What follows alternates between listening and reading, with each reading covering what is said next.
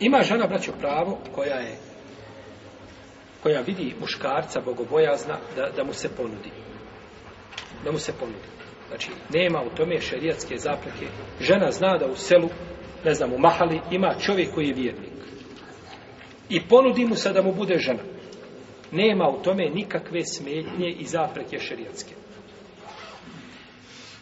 A bileže Buharija i Nesajim i Brumađe od Enesa Ibn Malika da je rekao jednog dana, kaže, došla je žena i ponudila se poslaniku, sallallahu alaihi wasallam. Kaže, Allahu poslaniče, imaš li potrebe za mnom? Pa je kazala kćerka, Enes ibn Malika, koja je bila prisutna, kaže, ma akallaha haja'en.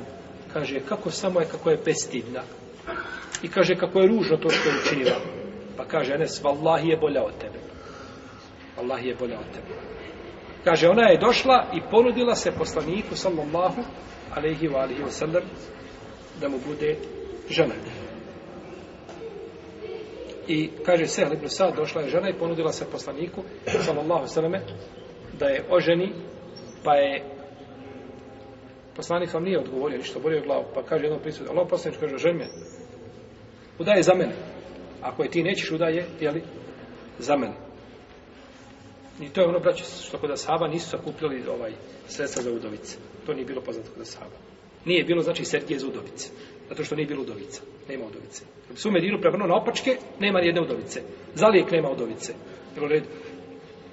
No, međutim, mi skupljamo Sergije, jel tako, za, skupljamo Sergije za udovice. Zato što se bojimo ovaj, šta će svijet kazati, a prvenstveno šta će suprugi kazati, tako. I Allah zna, braću, šta je propisao i zašto je propisao. I nema danas lijeka čovječanstvu da izliječi taj problem osim više ženstva. To ne postoji. Ne postoji na zemlji ideja i ne postoji plan kratkoročni, dugoročni i ovakav i onakav koji može taj problem izliječiti osim više ženstva.